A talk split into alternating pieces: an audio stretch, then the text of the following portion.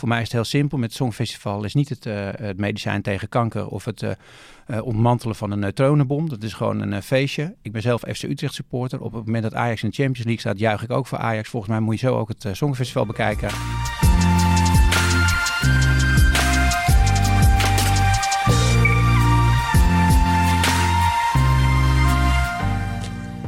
Hallo en welkom bij de Dit wordt het nieuws podcast, de speciale aflevering. Dit is de laatste. Het is 31 december, oudjaarsdag. Altijd een bijzondere dag waarop ik denk ik het liefst uh, een beetje terugkijk op, uh, op de rest van het jaar. En dat is ook precies wat we gaan doen. We gaan de entertainmentwereld uh, doornemen met onze eigen entertainmentjournalist Lara Zevenberg. En we hebben een gast, zoals altijd, Niels Aalbers. Um, en Niels Aalbers jij en ik, we kennen elkaar. Hè? Laten we daar ja. niet meteen overheen, omheen draaien. Je bent eindredacteur van 3 voor 12. Ja, dat klopt. Betekent dat eigenlijk dat je hoofdredacteur bent van 3 voor 12? Mm, ja, maar dat noemen we... Wij hebben ook weer een eigen hoofdredactie. Dus de, het is de publieke omroep, hè, dus er moeten allemaal uh, functies op, uh, op visitekaartjes. Dus ik ben eindredacteur en de, onze wederzijdse kennis Willem van Zeeland is ja. mijn baas en die is hoofdredacteur. Ah, check. Oké.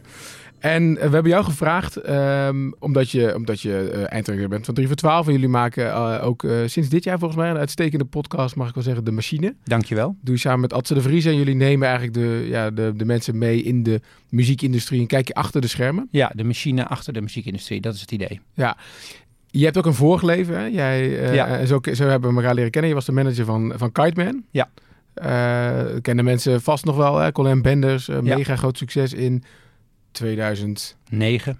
Jemig. Nou ja, hij is sindsdien, en ik bedoel dus niet, uh, niet per se... Nee, maar hij had een mega succes toen. Ja, de doorbraak was in 2009. En in die drie jaar rond dat uh, doorbraakjaar was ik, deed ik zijn management en de marketing.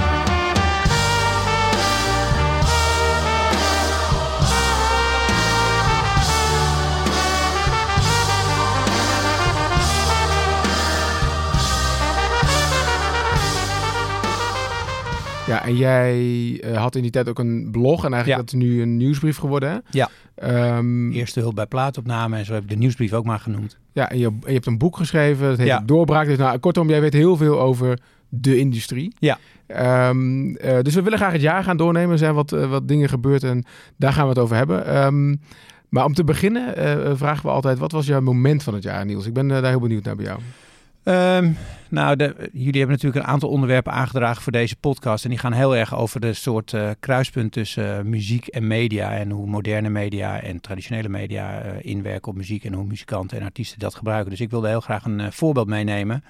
Waarbij ik vond dat, dat ik denk dat, dat een artiest heel erg op inhoud, op, op artistieke inhoud, de media voor zich heeft laten werken. En eigenlijk helemaal niets heeft gedaan buiten een fantastisch product maken. Een fantastisch, uh, in dit geval, ja, uh, evenement, song, clip. Het is maar hoe je ernaar wil kijken. Zullen we, want je, houdt het heel, je maakt het heel spannend. Zullen we anders eerst luisteren en dat je dan vertelt uh, ja, over lijkt mij een hele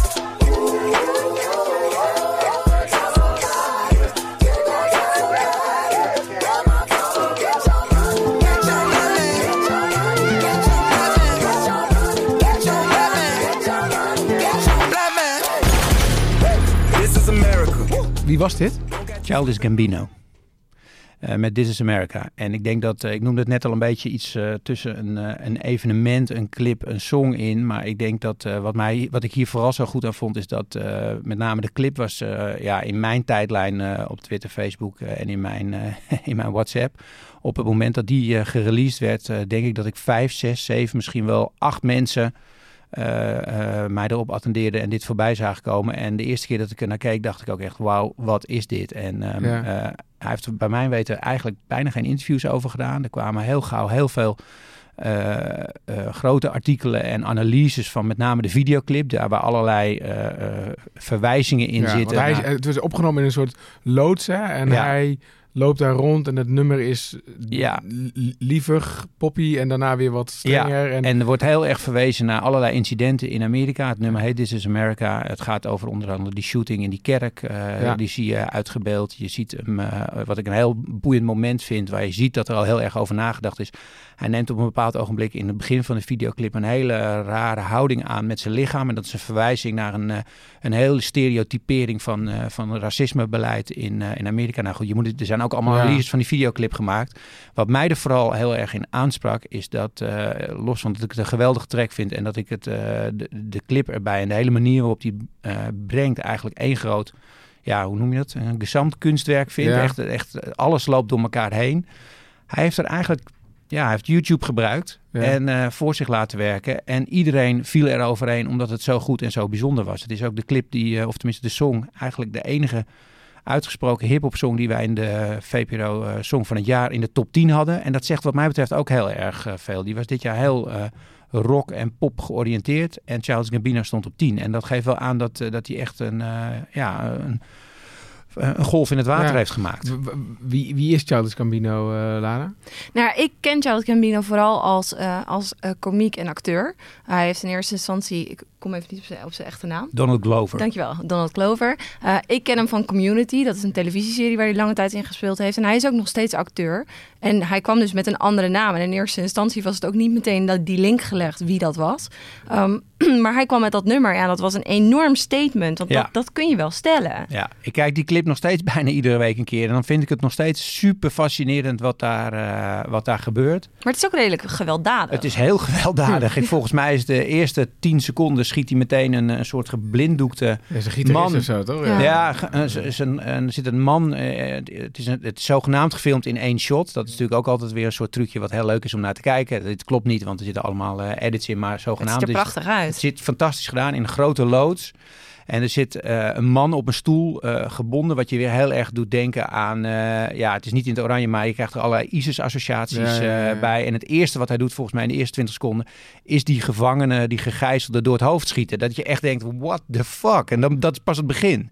En dan eh, loopt hij naar de volgende, ja, wat ik net al vertelde, naar de volgende ruimte. En daar staat dat koor eh, in een kerk te zingen. En dat mitrailleurt hij gewoon neer. Ja, dat klinkt nu heel Ja. erg lomp. En het is inderdaad wel heel gewelddadig. Maar het is ook maar heel stijlvol. het is heel stijlvol Ja. gedaan. En als je Ja. de hele clip kijkt, inclusief wat hij, eh, eh, de song erbij hoort, dan snap je dat hij iets wil, eh, wil zeggen. En met heel veel geweld en heel overweldigend, maar met wat mij betreft enorm veel impact. En nou is dat natuurlijk Amerika. Heeft dat nou navolging gekregen in Nederland? Zijn er Childish Gambino's hier? Ehm, nou, kijk, ik, ik- waarom, wat ik er natuurlijk fascinerend aan vind, is dat het aansluit bij eh, eh, brede maatschappelijke discussies, die eh, met name op Twitter natuurlijk heel heftig worden gevoerd. En ik denk niet dat ik zou niet 1, 2, 3 een voorbeeld kunnen eh Ja, ik zat natuurlijk, je hebt natuurlijk, bedoel, maar dat is natuurlijk wel meer, meer wat in de underground heeft. Zwart Licht is wel, een, Ja. die zijn Ja. dit jaar ook wel weer teruggekomen. De Amsterdamse hip-hop groep die het ook wel, hè, die Ja. ook wel mee, mee, mee Nou, wat ik, wat ik er vooral aan vind, en dat is net als in die hele MeToo-discussie. Ik, eh, eh, ik denk dat het een aanmoediging is, of ik moet zeggen, een bevestiging dat een aantal mensen zich wat meer kunnen uitspreken, wat mogen uitspreken over dingen die gewoon niet in, eh, in orde zijn. Ik heb dat zelf ook altijd wel een tijd lang onderschat. Een voorbeeld wat ik. Het gaat voor mij heel erg om de voorbeeldfunctie. En daar wordt dan een beetje nou, door sommige mensen wat lacherig over gedaan. Ja, ja, ja, ja. Ik stond bij de eh, finale van het EK vrouwenvoetbal eh, in Tivoli-Vredenburg. Zoals je dat wel eens kijkt in een eh, gelegenheid, zo'n finale. En die was eh, normaal gesproken zijn dat soort eh, met z'n allen kijkfinales eh, natuurlijk bij voetbal gevuld voor 80% met mannen. En in dit geval was dat denk ik 60-40. 60% vrouwen, meisjes en eh 40% mannen die het ook leuk vonden om bier te drinken bij een finale wedstrijd. En toen die dames wonnen zag ik gewoon dat dat echt zo werkt. Er waren daar meisjes in de leeftijd van tussen 10 en 18 die ik zag. Je kunt dus als je op voetbal gaat, want ik zit zelf ook op een voetbalvereniging, daar coach ik een elftal. En ik zag die meisjes gewoon denken, shit, dit kan dus. Ja. Je kan hier Europees kampioen mee worden als ik hier eh, zometeen bij Kampong ga voetballen. Nou, Ja. dat vond ik gewoon geweldig. Ja. En daar geldt dit ook voor, vind ik. Het is gewoon echt belangrijk dat dat zichtbaar is. En eh, eh, je, ja, je kunt echt wel wat zeggen over de gewelddadigheid van deze clip. Maar het feit dat mensen zich hierover uitspreken en dat andere mensen die daar nog over twijfelen, zich daardoor gesterkt of aangemoedigd voelen, is denk ik een hele goede zaak. Ja. Lara, jij was voor ons, eh, eh, zoals ieder jaar, of sinds een aantal jaren, eh, naar het Songfestival. Mhm. Daar heb jij innig opgetrokken met, met Waylon, ma- mag ik wel zeggen. Ja, Ehm, eh, maar Waylon liet zich daar, vond ik, ook wel een beetje van de andere kant zien eh, dit jaar. La- laten we even naar luisteren hoe dat zo'n beetje klonk. Eh, er zijn gewoon een aantal dingen voorgevallen met twee journalisten, Steenwel Raadgever en eh, eh, die man van de Telegraaf. Eh, en die, die, die, die zijn gewoon heel zuur. En ook achter de schermen zijn er dingen geschreven en gezegd die, eh, waar de mensen niks van weten. Maar waar ik wel heel duidelijk iets, eh, iets van weet. En waar ik ook heel duidelijk iets van vind. Ja, hij, hij noemde het AD en de Telegraaf eh, zuur. Mhm. Wat, wat bedoelde die daarmee? Nou ja, ik, ik zal even uitleggen hoe dit is verlopen. Uh, de eerste avond van het Songfestival is er altijd een, een soort rode loper evenement. En daar sta je met honderden media, sta je daar in een hele lange rij, vijf uur lang buiten. Echt zweet, want het was in Lissabon. Het was verschrikkelijk. En Welen die liep helemaal achterin. En die kwam langs allemaal media. En op een gegeven moment werd duidelijk dat hij niet met AD wilde praten. En dat was in de week daarvoor al gebeurd. Want de meeste mensen komen pas in de laatste week aan. In de week daarvoor al was er wat negativiteit rondom zijn optreden. Want ja, zijn, zijn dansers die deden um, schokkende bewegingen. Dat werd vergeleken met, die werden vergeleken met apen. Als in een soort van circus. Mm. Um, door en wie werd die vergeleken? Door de Telegraaf en AD. En Welen vond dat te negatief. Dus mm. die zei daar voor de camera: Ik wil dit niet. Ik wil niet met jullie praten en ik hou er meteen mee op. Uh, en dat heeft eigenlijk de hele Songfestivalweek is dat zich gaan voorttrekken. En hij wilde wel nog met ons praten. Maar dat is omdat wij, ja, wij hebben geen mening als mm. nu.nl. Wij schrijven gewoon op wat er gebeurt. Um, maar hij vond AD en Telegraaf echt te zuur. Uh, heb jij dat gevolgd, Niels? Nou, een beetje van de zijlijn. Ik vind dat we het hier... Uh, sorry dat ik uh, me bemoei met de inhoud van deze je mag, podcast. Je mag je, ja, anders had ik je niet uitgenodigd. Ik vind dat we het hier niet te lang over moeten hebben. Er zijn wat mij betreft twee dingen die hierover te zeggen valt. Los dat het liedje ook niet het beste is dat ik ooit gehoord heb. Dit is volgens mij een heel slim uitgespeeld uh, uh, hashtag opheftrucje van uh, Stefan Raadgever en Hans Nijenhuis van het AD. En daar zijn ze allebei heel erg goed in. En die vonden het heerlijk om dat heel lang dun uit te smeren, tien dagen lang. En ik vind iedere minuut die we hier aan gaan besteden eigenlijk te veel. Voor mij is het heel simpel. Met het Songfestival is niet het, het medicijn tegen kanker of het uh, ontmantelen van een neutronenbom. Dat is gewoon een uh, feestje. Ik ben zelf FC Utrecht supporter. Op het Mm. moment dat Ajax in de Champions League staat, juich ik ook voor Ajax. Volgens mij moet je zo ook het uh, Songfestival bekijken. zelfs al heb je, heb je er altijd zo over gedacht? Ja, over het Songfestival wel. Het is namelijk de moeite allemaal niet waard. En ik heb er een enorme hekel aan dat daar gewoon heel smerig... Uh, door media een, uh, een dingetje wordt uh, uitgesmeerd met briefjes en dingen die heel duidelijk olie op het vuur zijn. En dat Ja. doen Hans en Stefan heel erg goed hoor. Ik bedoel, Wat bedoel eh, je met briefjes? Sorry. ja, ik kwam geloof ik weer, nee, halverwege kwam er weer een soort open, eh, open brief van eh, een van die twee, eh, of van, van Stefan. Ja, Dat, met, met een soort eh, officieel statement eh, over de ophef. Nou, dat is Mm. natuurlijk niks anders dan een hele... Sorry, ik hou erover op. Want ik Nou, vind echt dat we hier gewoon geen minuut nee, maar- over moeten hebben. Ik gun het ze gewoon niet. Nee, maar ik vind, nee, maar, ja, maar, ja, goed, maar het gaat mij niet per se om, om, om hen dan. Hoor. Want ik vind het wel interessant wat je zegt. Want dat, nou goed, dan gaat het misschien wel een beetje over. Kijk, jij, eh, want dat was wel de discussie. Van, moet je hier inderdaad zo naar kijken als wat je net omschreef met een voetbalwedstrijd? Hij is zag dat zelf wel zo, Welen. Ja, Hij heb- vindt ik- zelf wel dat, dat, dat wij allemaal achter Maar hem je, je mag ook, kritiek hebben op de bondscoach tijdens een eh, Dat mag je zeker. En je mag eh, ook zeggen dat het liedje niet zo goed was. Vind ik ook namelijk. En eh, we kunnen ook nog van alles zeggen over, eh over. Maar dat Songfestival, dat is volgens mij echt wat ik net zei. Dat is een soort... EK, daar zijn we allemaal van Nederland. Of een soort Champions League. En al ben je FC Utrecht supporter, Ja. dan ben je voor Ajax, eh, zeg maar. En meer moeten we er ook niet van maken. Je, je illustreert het al, eh, Lara, met zo'n rode loper evenement. Het is gewoon één groot eh, entertainment evenement. En we moeten niet doen alsof Stefan Raadgever een nieuw nummer van ABBA heeft ontdekt in de krochten van Zweden. Dat zou Ja. namelijk echt een muzikale eh, ding zijn. Dit is entertainment. En, Maar, maar vind je dan dat, dat, dat Whalen in de val is gelopen? Want ja, die- dat vind ik ook eh, een beetje dommig. Dat je, er, eh, dat je er de hele tijd ook op door blijft gaan. Want dat is gewoon koren op hun molen. Nou, Ja. het was ook wel. Ik, ik was erbij. En op een gegeven moment was het zo dat wij als pers allemaal heel snel op Welen af moesten rennen. En het AD was van tevoren gezegd van je mag erbij zijn, maar doe niks. En ze bleven vragen stellen. En Welen die weigerde hen aan te kijken. Hij gaf wel antwoord op de vragen. Maar ik werd de hele tijd aangekeken. Het was een beetje gênant. Maar hij had echt zoiets van... ik praat gewoon niet meer met jullie... maar ik vind het wel netjes om antwoord te geven. Maar ik dacht namelijk, dan, dan, ik vind het wel interessant dat jij zegt van het is, het is entertainment. Dat is natuurlijk ook wel zo. Alleen we komen natuurlijk wel van een aantal edities waar we, waar we hè, als Nederland zullen we maar zeggen, ineens wat muzikaler werden en zo. Ja. En we dachten ook dat, of, dat we het wel zouden gaan winnen. hè. Anouk, uh, Ja. hè, eh, die natuurlijk eh, gewoon goede... goede uh, Hoog, hoog ik weet niet of die nummers trouwens ook in de, in de van het jaar hè? kwamen trouwens. hoor. Maar, eh, Nou, afgelopen jaar kwam Zoute Landen van Bluff op eh, vijf. Dus ik denk dat uh, zonder die lijst uit mijn hoofd te kennen... dat Anouk en uh, Kommelins daar ook hoog in hebben Oh, ja. staan. nee, ik, vond het gewoon gaat. ik vond het helemaal niet slecht trouwens. Nee, zeker. Dat was van tevoren, waar was niemand, vond niemand eh, het goed. Dus dat is, Nee, is wel maar dus grappig. misschien dat we, dat we, dat we, hè, dat we misschien ook een beetje de verwachting eh, hadden van dit is wel iets muzikaals. Maar jij, jij, jij zit daar eigenlijk heel, heel, heel strak in, want het is gewoon een nou ja, feest. volgens mij en, zag je eh, al hoe het gebracht werd op het podium. werd net al even gerefereerd aan die dansers. Het was gewoon eh, pure entertainment. En ik vond het ook eh, nog los van wat, je er, wat Telegraaf en AD erover zei, wat natuurlijk echt niet kan. Nee. Echt belachelijk. Eh, dacht ik ook, ja, pff, Maar vind jij dan dat hij van tevoren de fout in is gegaan door bij De Wereld Draait Door te zitten en daar verschillende nummers te laten horen? Want daar Ja. sta, staat een Ja, nummers dat vind tussen ik waar ook. Maar mensen dat is een andere discussie, maar dat vind ik ook een fout. Want ik geloof namelijk in het geval van creativiteit niet in democratie. Dus eh, eh, mensen laten stemmen. De Voice of Holland, de X-Factor bewijzen iedere keer weer dat stemmen echt een heel erg slecht idee is als het over muziek of over kunst gaat. Omdat democratie wordt altijd één plas nauwe, lauwe pis op het moment dat je de mensen over laat stemmen. Want dan wint het meest gemiddelde ding. Het voorbeeld dat je net geeft van de Common Linnets en eh, Anouk, daar kun je van alles van vinden in de, in, de aanloopperiode. Maar dat was in ieder geval een heel uitgesproken ding. Eh, ik heb zelf ENR gedaan, eh, waarbij Ja. ik betrokken was bij het maken van eh, platen. Als jij denkt dat het, het volk dat naar de wereld daardoor zit te kijken, op basis van 25 seconden een akoestische versie van een nummer dat nog helemaal uit ontwikkeld moet worden, uitgeschreven moet worden, een keuze kan maken, dan heb je het echt niet begrepen. Nee. Mensen snappen dat niet. Hoe vaak ik niet bij platenmaatschappijen binnenkwam met een demo waar ik bij wijze van spreken een top 10 in hoorde. Dat gaf ik dan aan mensen die dus in de muziekindustrie werken, hè, professionals, mijn collega's.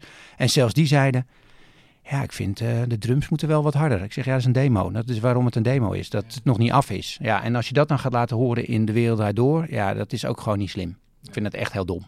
Je moet gewoon iets afmaken, eh, zeggen, dit is het.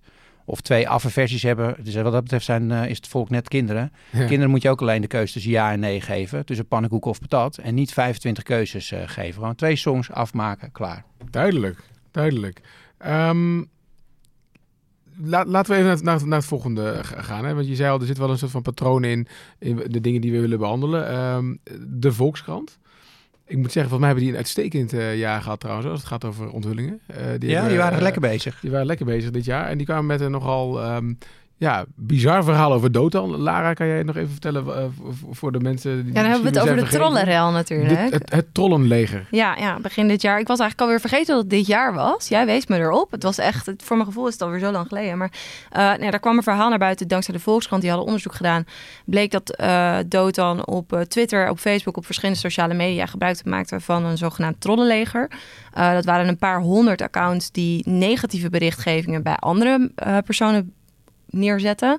En bij hem juist heel positief waren over alles wat hij maakte. En verhalen over... Hoe heet ze ook alweer, Niels? K- eh, Karel Leegwater, toch? Eh, De, eh, de, de, de- meest bekende trollen. Ja. Ja. die ken ik niet allemaal bij naam. Maar er waren wel wat namen die wat, eh, wat vaker terugkwamen. Ja, er waren zelfs verhalen over, over kinderen met kanker die door dood dan zo lief waren opgevangen en zo. En die bleken allemaal gewoon nergens op gebaseerd. ja. Ken jij, ken jij Dotan? Nee, niet echt persoonlijk. We hebben eh, een beetje in de periferie eh, lopen, liepen we wel een beetje eh, langs elkaar heen. En ik ken wel wat mensen die met hem gewerkt hebben, dingen met hem hebben geschreven. Of muzikanten die in zijn band hebben gespeeld of speelden. Ja. Maar, ja. Ik dacht dat het verhaal van hem ook was dat zijn eerste plaat dat echt een heel erg hard, hardwerkende gast was die wel graag wilde doorbreken. Maar dat Ja, lukte niet met die eerste plaat. En toen die, zeker. ja, Home, dat kent natuurlijk. eh, ja, sterker nog, Home is Song van het Jaar geweest. eh, eh, eh, eh, ik weet het, daar heb ik zo nog een vraag over. Oh, of we de eh, IP-adressen eh, later hebben Nou, nee, ik, want jullie hebben hier in de machine natuurlijk ook wel, uh, laat ik er wel meteen, meteen maar in gooien. Jullie hebben hier in de machine natuurlijk ook over eh, gesproken. En toen was het nog vers, hè? Dus Ja. je ziet van, ja, we hebben het onderzocht en er waren geloof ik 40 eh, stemmen of zo die niet helemaal deugden. Ja, nou, Ehm, 40 mailadressen en IP-adressen die meerdere keren gestemd hadden. Dus dat Ja. kan wel een verschil maken. Tegelijkertijd moet je bij die Song van het Jaar, zeiden- dat zeiden we volgens mij toen ook, de afstand waarmee Home won. Het was natuurlijk ook echt een song die op dat, eh, dat jaar niet van de radio was af te slaan. Was Nee. dus dermate groot dat zelfs al filterden we die 40 eruit, dan had hij nog gewonnen. Maar bij heel veel radiozenders was dat nummer ook weer aangevraagd door trollen. Ja. Ja, Nou, daarom, Ja. mijn vraag is eigenlijk, eh, eh, want jullie hebben het daarna misschien nog over gehad, hoor, dat weet ik niet. Maar een overweging zou kunnen zijn, het maakt ons niet uit eh, dat het er maar 40 zijn. Het hele idee is nu besmet en we schrappen hem gewoon. Ja, maar we zijn, niet, we zijn niet de Tour de France, hè? Ik bedoel, misschien wel. Ook de Song van het Jaar is geen medicijn tegen kanker. Het is allemaal... eh, morgen ligt ook de top 100 van de Song van het Jaar weer in de kattenbak. Daar moeten we allemaal heel eh, realistisch in zijn. Dus eh, een, een voormalig nummer 1 schrappen... Ach, dat denk ik niet dat we dat, dat, we dat moeten doen. En wat ik zeg, de- als we die stemmen eruit hadden gehaald... Kijk, als het, als het een nipte overwinning was geweest... wat we ook wel eens een keer hebben gehad de afgelopen drie jaar... dat het echt tien stemmen scheelde... Maar er was geen sprake van eh, bij Home. Dat was wel echt een, eh, een, een uitgesproken winnaar. En zelfs als we van die 40 adressen niet compleet waren, dan nog, uh, ik kan me de exacte aantal niet herinneren, maar ik weet wel dat de voorsprong wel ruim was. Dus. Maar wat vond jij van de manier waarop Dotan hiermee om is gegaan? Heel matig. Ja, ik vond met name zijn optreden in uh, RTL Late Night, uh, dat was eigenlijk wrijven in een vlek. Uh, en uh, wrijven in een vlek vind ik, bij dit soort dingen moet je gewoon volgens mij mega bakzeil halen. En hij ging daar bij RTL Late Night toch weer een beetje om de hete brei heen draaien. Dat vond ik niet sterk. Nou, hij heeft in eerste instantie tegen de Volkskrant gezegd dat hij er helemaal niks mee te maken nee, had. Dat maar hij dat, niks wist. dat vind ik op zich voorstelbaar, want het is menselijk. Dan probeer je er toch een beetje deksel op de... Gewoon op die de, eerste reactie ja, bedoel, ja, dat vind ik nog wel voorstelbaar. Want het was gewoon puinzooi en echt... het stonk. En dan ga je in eerste instantie, ja, denk ik, uit een soort paniek. Dan uh, distancieer je je. Ja, ja, of dan, dan wil je een beetje uh, het downplayen. Dat snap ik nog wel. Maar hij heeft daarna er wel voor gekozen uh, om bij RTL Late Night een soort mea culpa te doen. Maar dat was geen mea culpa. Dat was uiteindelijk toch weer een beetje half-half. en het viel allemaal wel mee en bla bla bla bla bla. En daarna is hij van het toneel verdwenen? Ja. Volgens mij, toch? Ja. D dat is misschien het enige wat je er dan op dat moment kan doen? Ja, en ik ben ook heel benieuwd of hij ooit nog op het toneel terug gaat komen. Ja, een hij beetje, heeft achter toch? de schermen wel dingen gedaan. We hebben nog iemand gesproken. Ik weet even niet meer hoe hij heet. Maar dat was een Britse jongen, geloof ik. En die heeft nog met hem gewerkt. Die heeft Ja. een nummer samen met hem geschreven. Ja, Nou, ik zat nu even weer naar zijn Twitter-tijdlijn gisteren nog even te kijken. Ik denk, wat gebeurt er? Maar je ziet er wel vanaf september of zo... Ja, klopt inderdaad. Hij is het weer een beetje gaan oppakken. Maar ja, zonder al die trollen. Ziet niemand Maar dat. hoe, wat zegt dit nou zeg maar, over, de, over de muziekindustrie? Of, of zegt het alleen iets over nou, ik denk dat het vooral, eh, het zijn natuurlijk excessen en het zegt vooral iets over één, eh, één persoon, ben ik bang. En dat is heel klote om te eh, moeten concluderen.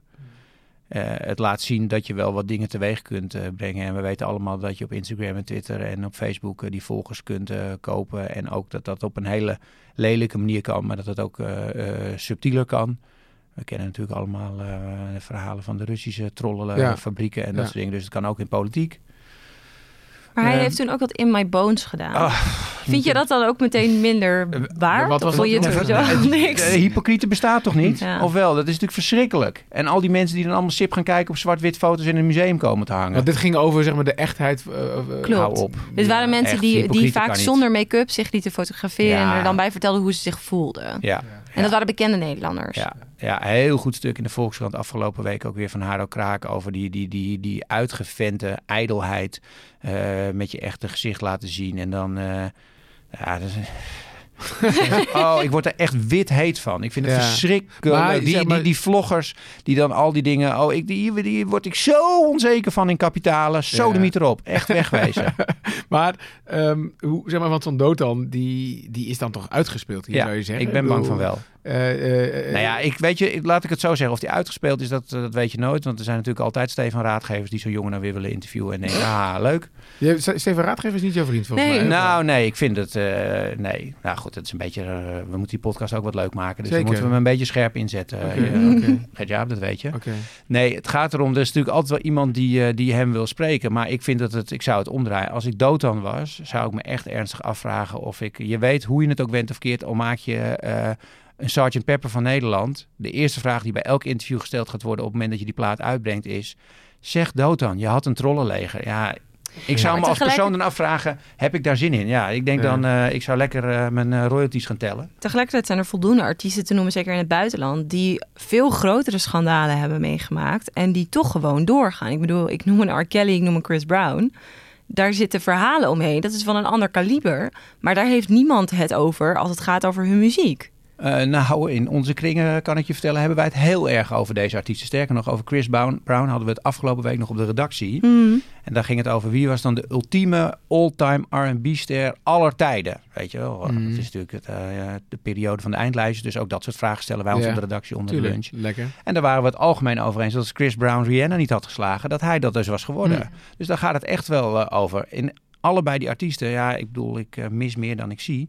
Heb ik ook de afgelopen paar jaar echt geen grote interviews of eh, eh, dingen meer zien doen. Want die hebben ook echt geen zin in die. eh, Nee, maar ze maken wel nog steeds vraag. nummers. Ja, en Chris Brown te- verkoopt ook nog steeds Ja, kaarten, onwijs. eh, volgens Ja. mij.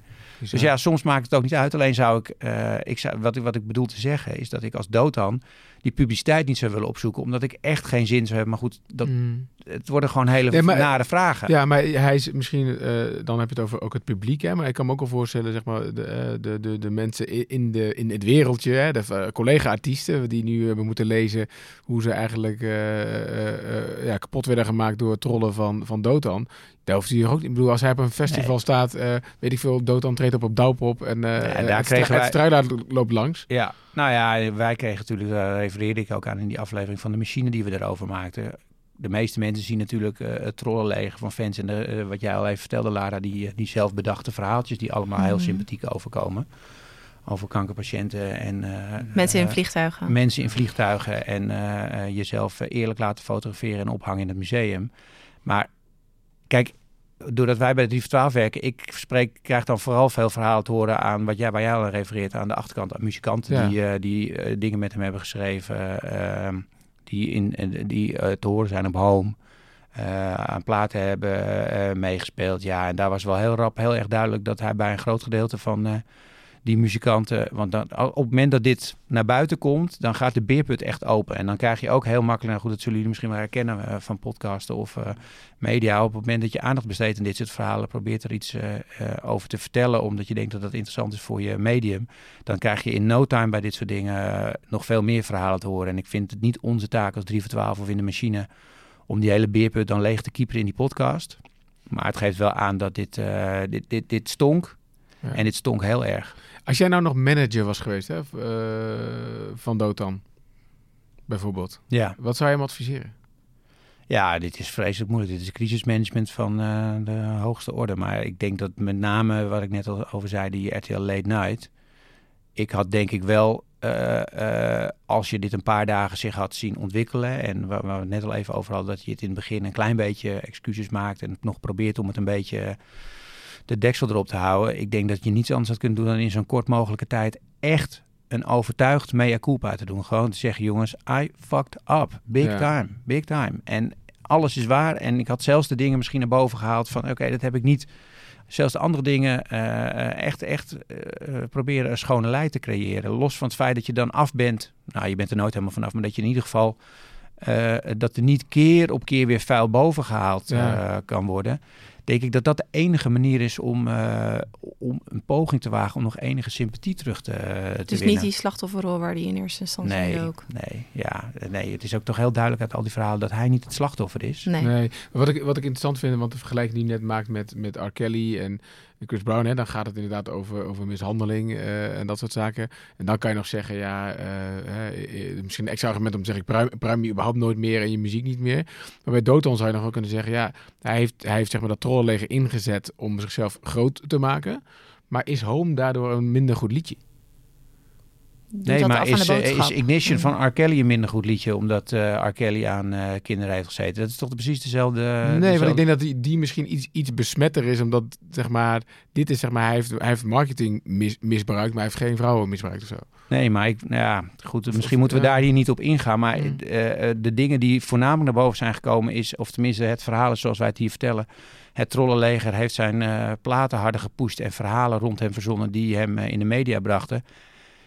Die muzikanten hebben mij wel echt dingen verteld die echt nog wel een stapje verder gaan. Mensen echt gewoon, eh, eh, nou goed, het is niet aan mij. Daar wil je niet, daar wil je niet nee, ik vind het niet aan mij om dat daarover te vertellen. Maar dat gaat Maar dat ook, ook dat echt zit even- jou meer dwars dan, zeg maar, dus het, eh, dus, zeg maar de, het, het gaat nu over het trollenleger wat inderdaad hem gepusht heeft, Nee, het zit heeft niet- aangevraagd, maar het zit me niet meer dwars. Maar als jij vraagt, is R. Kelly of Chris Brown, is dat een ander verhaal dan Dotan? Ja, dat zijn andere verhalen. Want inderdaad, het gaat echt niet over dat Dotan, eh tenminste niet dat ik weet, iemand geslagen heeft of eh, eh, eh, minderjarig heeft eh, misbruikt. Maar het gaat ook wel iets verder dan eh, een leuk verhaal verzinnen over een vliegtuig en daar fotootjes bij eh, plaatsen en een eh, tentoonstelling organiseren en iedereen zwart-wit laten fotograferen. Want at the end of the day doe je daar niemand eigenlijk kwaad mee. Alleen het is een verzonnen verhaal. Maar hij heeft echt wel met muzikanten eh, gewoon zakelijk kutzooi uitgehaald. Ja, dat vind ik dan toch niet... eh, wo- wordt hij nog gedraaid eigenlijk op dit moment, eh Lara? Weet je dat?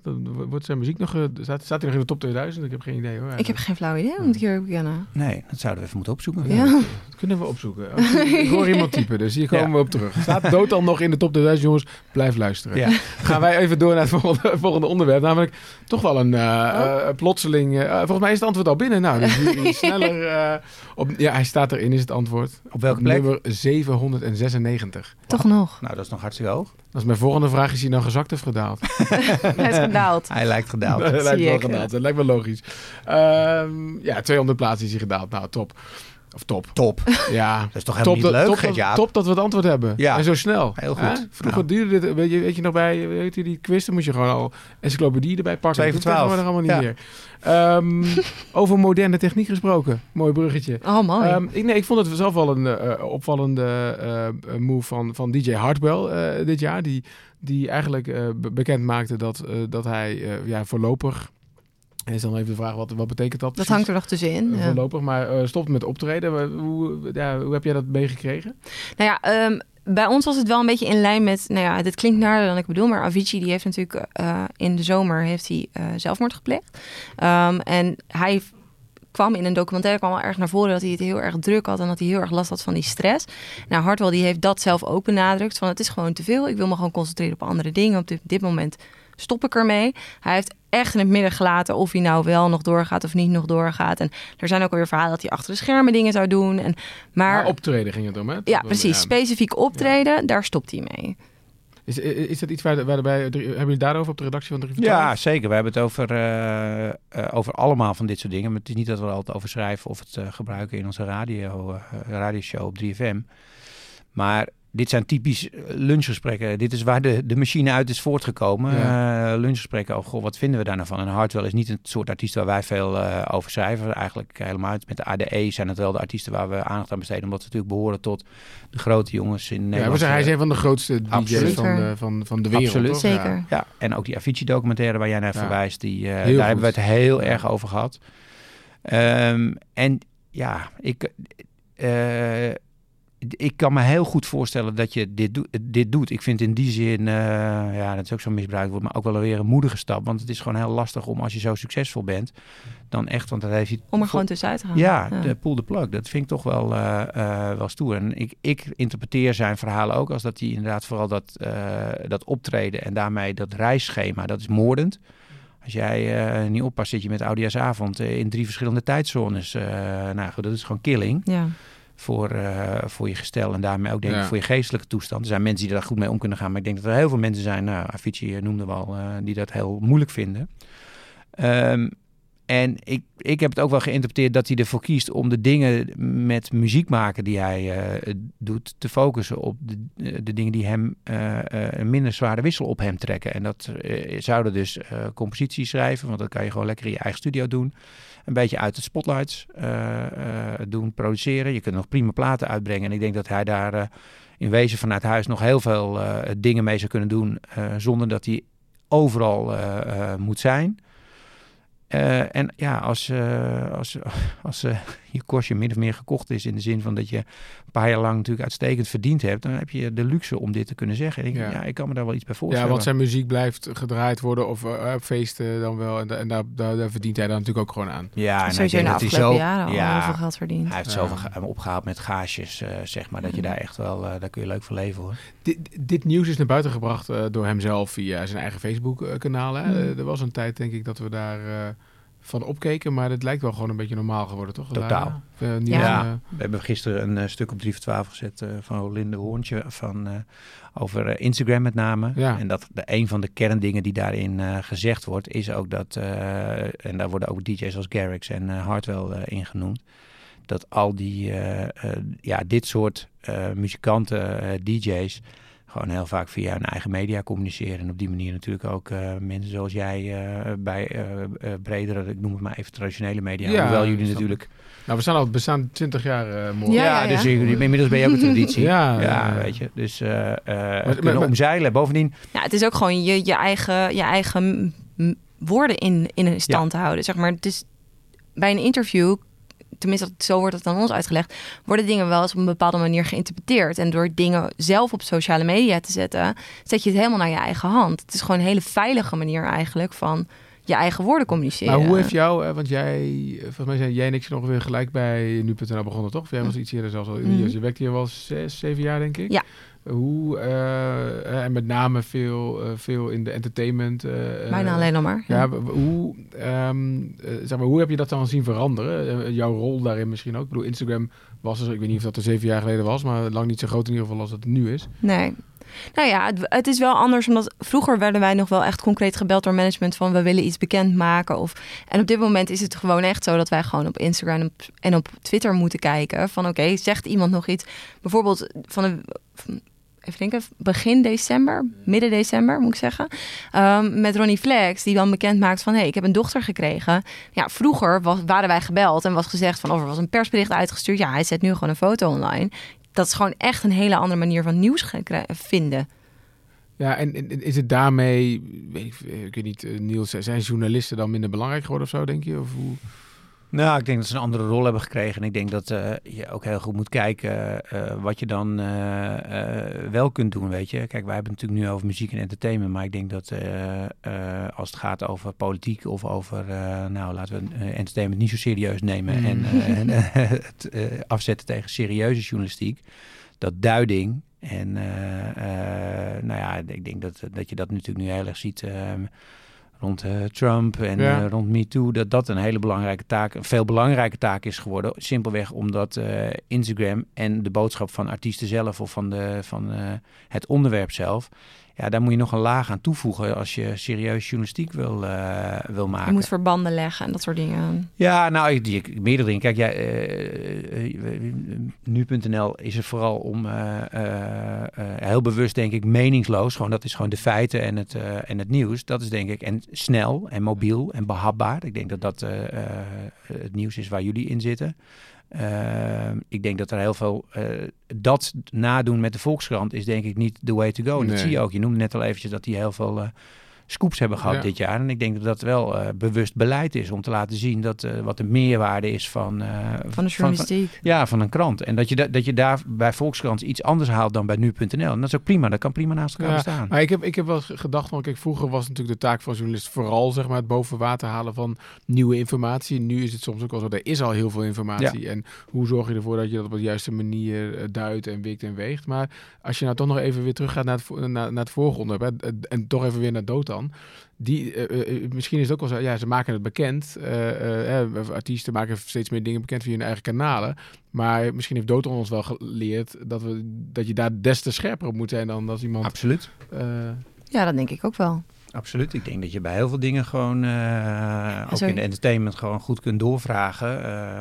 Uh, ik, ik doorzie die dingen natuurlijk ook altijd wel. Sterker nog, ik heb uh, natuurlijk ook... Een dat lijkt me ook wel bijzonder aan jouw rol trouwens. Hè? Want je hebt natuurlijk aan die beide kanten gezeten. Ja, dus... ik heb ook een tijd lang marketing en PR gedaan voor, voor Best Kept Secret. Oh, ja. En ik bedoel, ik ga niet dat op geen enkele wijze vergelijken met... want dat is natuurlijk ook gewoon PR. Maar ja, dan ben je natuurlijk ook gewoon bezig met hoe, hoe, wat vind je belangrijk aan je eigen festival? Wat vind je bijzonder eraan? En hoe wetende dat je via de uh, media en via de pers bij je publiek kunt uh, komen en deels ook rechtstreeks bij je publiek kunt komen, ja, ben je natuurlijk aan het nadenken over, uh, over hoe, je, hoe je het profiel van het festival neerzet. Ja, dat kun je profileren noemen, dat kun je PR noemen of dat kun je spinnen noemen. En het is allemaal een beetje hetzelfde. Het ligt er maar aan hoe ver je erin gaat Kijk, ik, ik hou heel erg van gewoon hele eerlijke communicatie. Zo eerlijk mogelijk. Ja, maar het bestaat bijna niet meer. Nee, natuurlijk bestaat het helemaal niet meer. Ik bedoel, ik ga er ook niet geheimzinnig over doen. Dat ook wij met, uh, en, en ook met Kiteman, dat we natuurlijk over die dingen hebben nagedacht. Uh, Zeg maar, ja, ik noemde dat altijd een beetje goed nadenken over wat je vindt dat tof of bijzonder is en waar je mee bezig bent. Het, het, het, het diamantschijnsel en daar een zwart kleedje onder leggen. Ja. Zorgen dat dat het meeste glittert. Want ook journalisten zijn op zoek naar die glitters volgens mij. Zeker. Ja, Nee, dat is, dat is, dat is, ook, uh, dat is ook wel waar. Maar gebruik jij die kennis zeg maar, van je vorige leven dan ook nu op je redactie? Dat je eerder ja, ziet als zoiets gebeurt? Nee, het is nu echt wel wat anders. Ik, ik heet eindredacteur, maar de manier waarop uh, uh, de redactie van 3 voor 12 is vormgegeven... en dat heb ik ook wel, die, die rol splits ik ook wel bewust. Ik denk dat ik meer bezig ben met financiën, budgetten, omroeppolitiek, laat ik het maar gewoon zeggen... Daar is veel van, toch? Daar is heel veel van. dat is een fulltime functie, kan ik je vertellen. uh, dat dat veel meer mijn taak is bij uh, 3 voor 12. En um, dat de redactie bezig is met de inhoud. Ik, toen, toen ik drie jaar geleden naar 3 voor 12 ging, om, je zei het al even, ik heb je voor geblogd en ik heb een nieuwsbrief was natuurlijk een van de eerste vragen die de meeste mensen mij altijd stelden. Is, ga je nu ook weer schrijven? En ik grapte toen altijd, en dat is dit jaar ook wel weer lollig. Ik zei, nou, ik ga alleen uh, wat regisseren als Fleetwood Mac op Pinkpop staat. nou, dus ik ben aan de beurt volgend jaar. um, maar het is om aan te geven dat ik denk dat, het, uh, dat mijn rol bij uh, eh, 3 voor 12 veel meer op beleid uh, zit. En ik vind dat ik, ik moet faciliteren dat de mensen op de redactie en in het radioprogramma uh, de inhoud kunnen, kunnen maken. En natuurlijk kijk ik daar naar, maar zeker niet op een, op een dagelijks niveau met een, met een rood pennetje. Ik vind dat niet mijn rol. Ik denk niet dat ik daarvoor het meest van waarde ben voor de mm. redactie.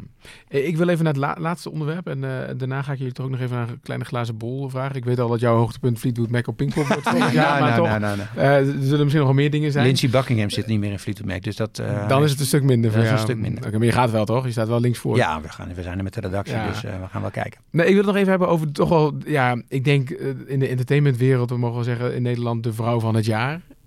Glennis Grace. Glennis Grace. ja, sluit je je daarbij aan, Niels? Ja, ik vind, ja, ja, ik vind haar heel sympathiek. Ik vind haar heel leuk. Wat, wat vind je leuk aan haar? Ook een beetje dat wat, wat jij wel leuk vindt van mij, dat recht voor zijn raap. Ja, uh, en ik vind dat ze, uh, reken maar dat, dat uh, de Amerikaanse, de, de, Amerikaanse voice is, het is natuurlijk gewoon een gekke huis. En wat ik, ik bedoel, het is niet zo dat ik op de voet volgde, mm. maar de paar keren dat, dat, dat ik interviews of berichtgeving erover las, ja, het is misschien weer zo'n ontzettend cliché, maar dat nuchtere, daar, daar, moet ik dan wel om lachen. En ook bijvoorbeeld dat ze afgelopen week heeft ze volgens mij haar Amerikaanse management ontslagen. Mm. En als ik dan lees waarom ze dat heeft gedaan, ja, ze moest dan allerlei contracten tekenen. Nou goed, dit is natuurlijk ook een ding wat mijn interesse in hoge mate heeft. Ze moest allerlei contracten tekenen. Ik weet wel wat van die contracten, want ik heb ook nog wel eens een keer een uh, talentenshow uh, typeje uh, ge oh. Die, ja, die contracten die zijn gewoon, laat ik het ronduit zeggen, die zijn vrij schofterig. En, wie, wie heb jij geënaard? Ja, de, de, de, eerste paar uh, artiesten, wat, wat toen nog de X-Factor was, of was dat uh, Idols? I don't know, wat uh, tweede Idols platen. Was het begin volgens mij. Ja, mij, wat tweede platen van jongen. En ik wist natuurlijk van die, wat dat voor contracten waren. Ja, die tekenden alles weg. Ja. En dat zou met de Voice echt niet anders zijn, want het is de manier waarop... America's Got Talent. Van America's Got Talent. America's Got Talent, dat was het. Nou goed, die shows zijn allemaal inwisselbaar wat betreft contracten. Want Behalve dat hier goochelaars bij zaten, toch? Ja, ja, ja. Die heeft gewonnen. De goochelaar, die gaat waarschijnlijk nog weer. Nog even terugkomen dat Amerikaanse management, die zijn heel boos over die uitspraak in ja. Parool. En die hebben nu hebben bezwaar aangetekend en die willen dat Glennis ook die woorden terugneemt.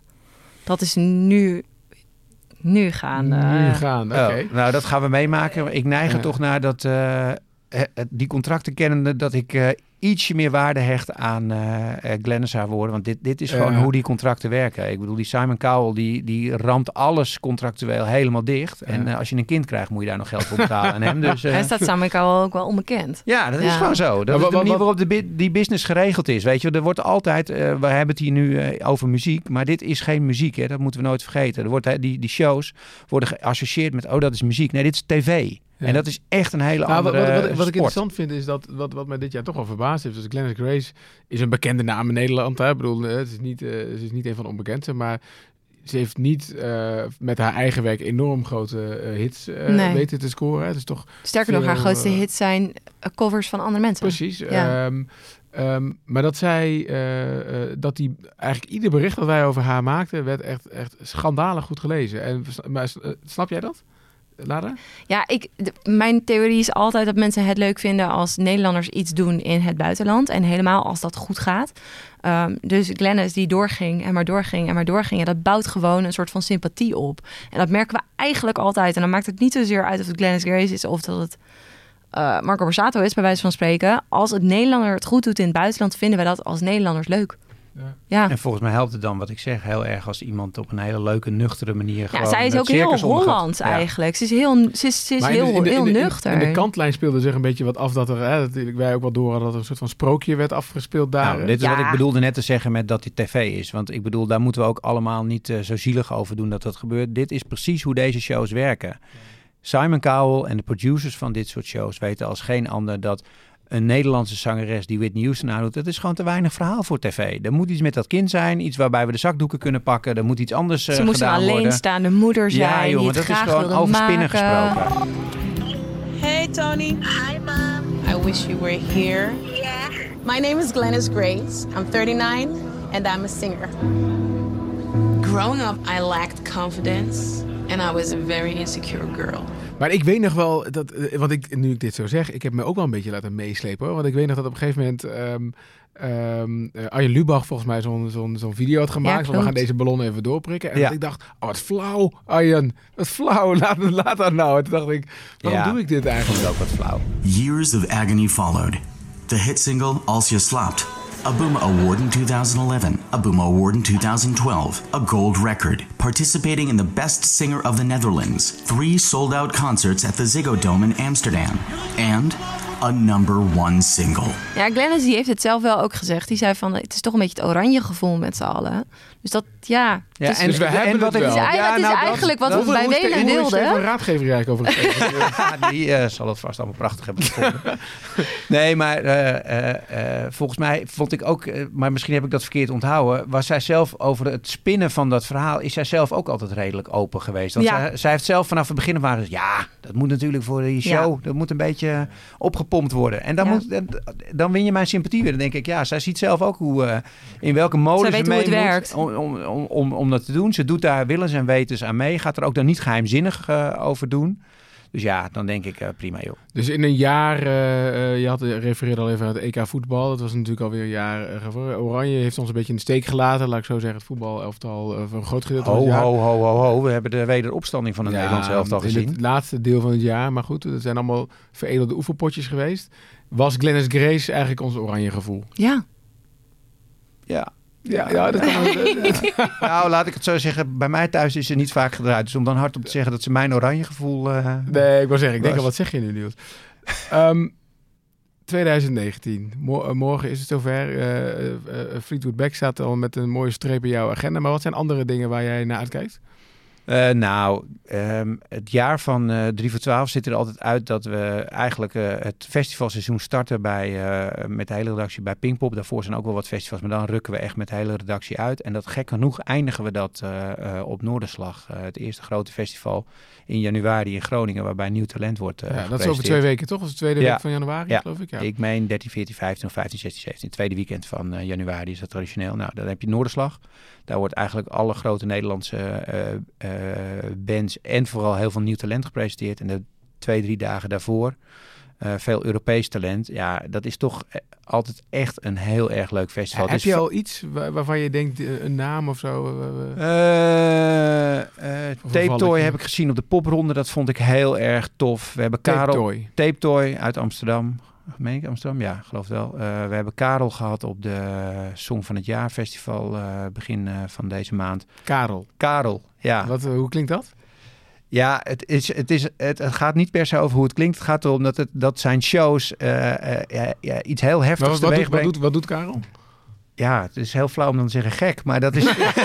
Maar hij maakt muziek. Uh, ja, hij maakt muziek en hij doet het in zijn eentje op het podium. Dat was al echt een soort uh, mayhem op uh, Down the Rabbit Hole afgelopen zomer. En dat werd weer gekkenhuis op de Song van het Jaar. Uh, hij heeft, hij heeft, hij heeft muziek al uit op Spotify? Ja, ja, ja, hij heeft op Spotify wel wat muziek uit. En, en, ik denk als jij nu een nummer noemt, dan, dan horen we Oh daarna... man, titels, hou op met me. Dat, Oh. dat kan ik totaal niet. Ik zet gewoon, ik zoek op Karel en dan, dan zet ik dat aan. It's a great life when you're colorblind.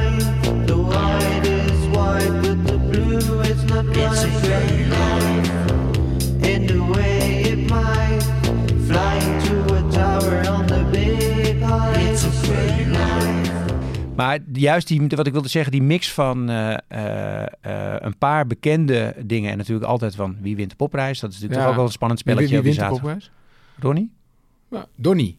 Nee, Ronnie. Ronnie. Oh, Ronnie. Donnie Eh, moet nog eh, even doorwerken. Ronnie, Ronnie, Heeft, Ronnie heeft hem toch... uh, al- Nee. Nee. nee, Ronnie heeft hem met, uh, hoe heet dat? Met New Wave. New Ja, Wave heeft precies. hem gewonnen. Maar, ik Maar denk dat- Dotan ook, de, was- waren de fans van Dotan ook niet mee eens, toch? Nee, die daar was ook heel kwaad eens. over. Maar Ronnie Flex. blijkt achteraf Ronnie natuurlijk Flex. een volkomen terechte keuze geweest. En ik denk Ja. dat uh, Ronnie Flex hem nu ook wel uh, zou verdienen. Ik zou niet zo 1, 2, 3 weten wie, wie anders.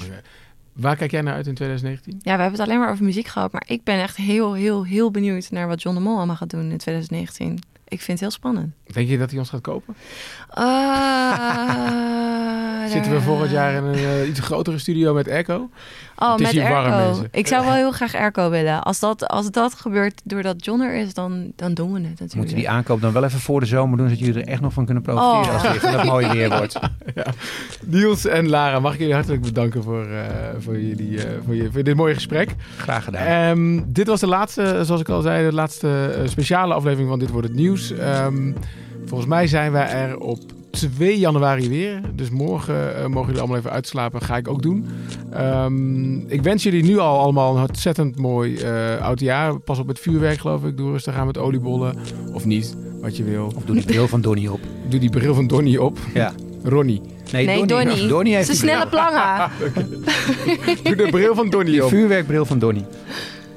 Hartelijk bedankt voor het luisteren. eh, sowieso eh, bedankt voor het luisteren eh, naar de Dit Wordt Het Nieuws podcast dit hele jaar. Julien en Canet hebben nu een weekje kunnen uitslapen. Dus ik weet zeker dat zij er 2 januari weer hartstikke scherp zijn. Tot dan.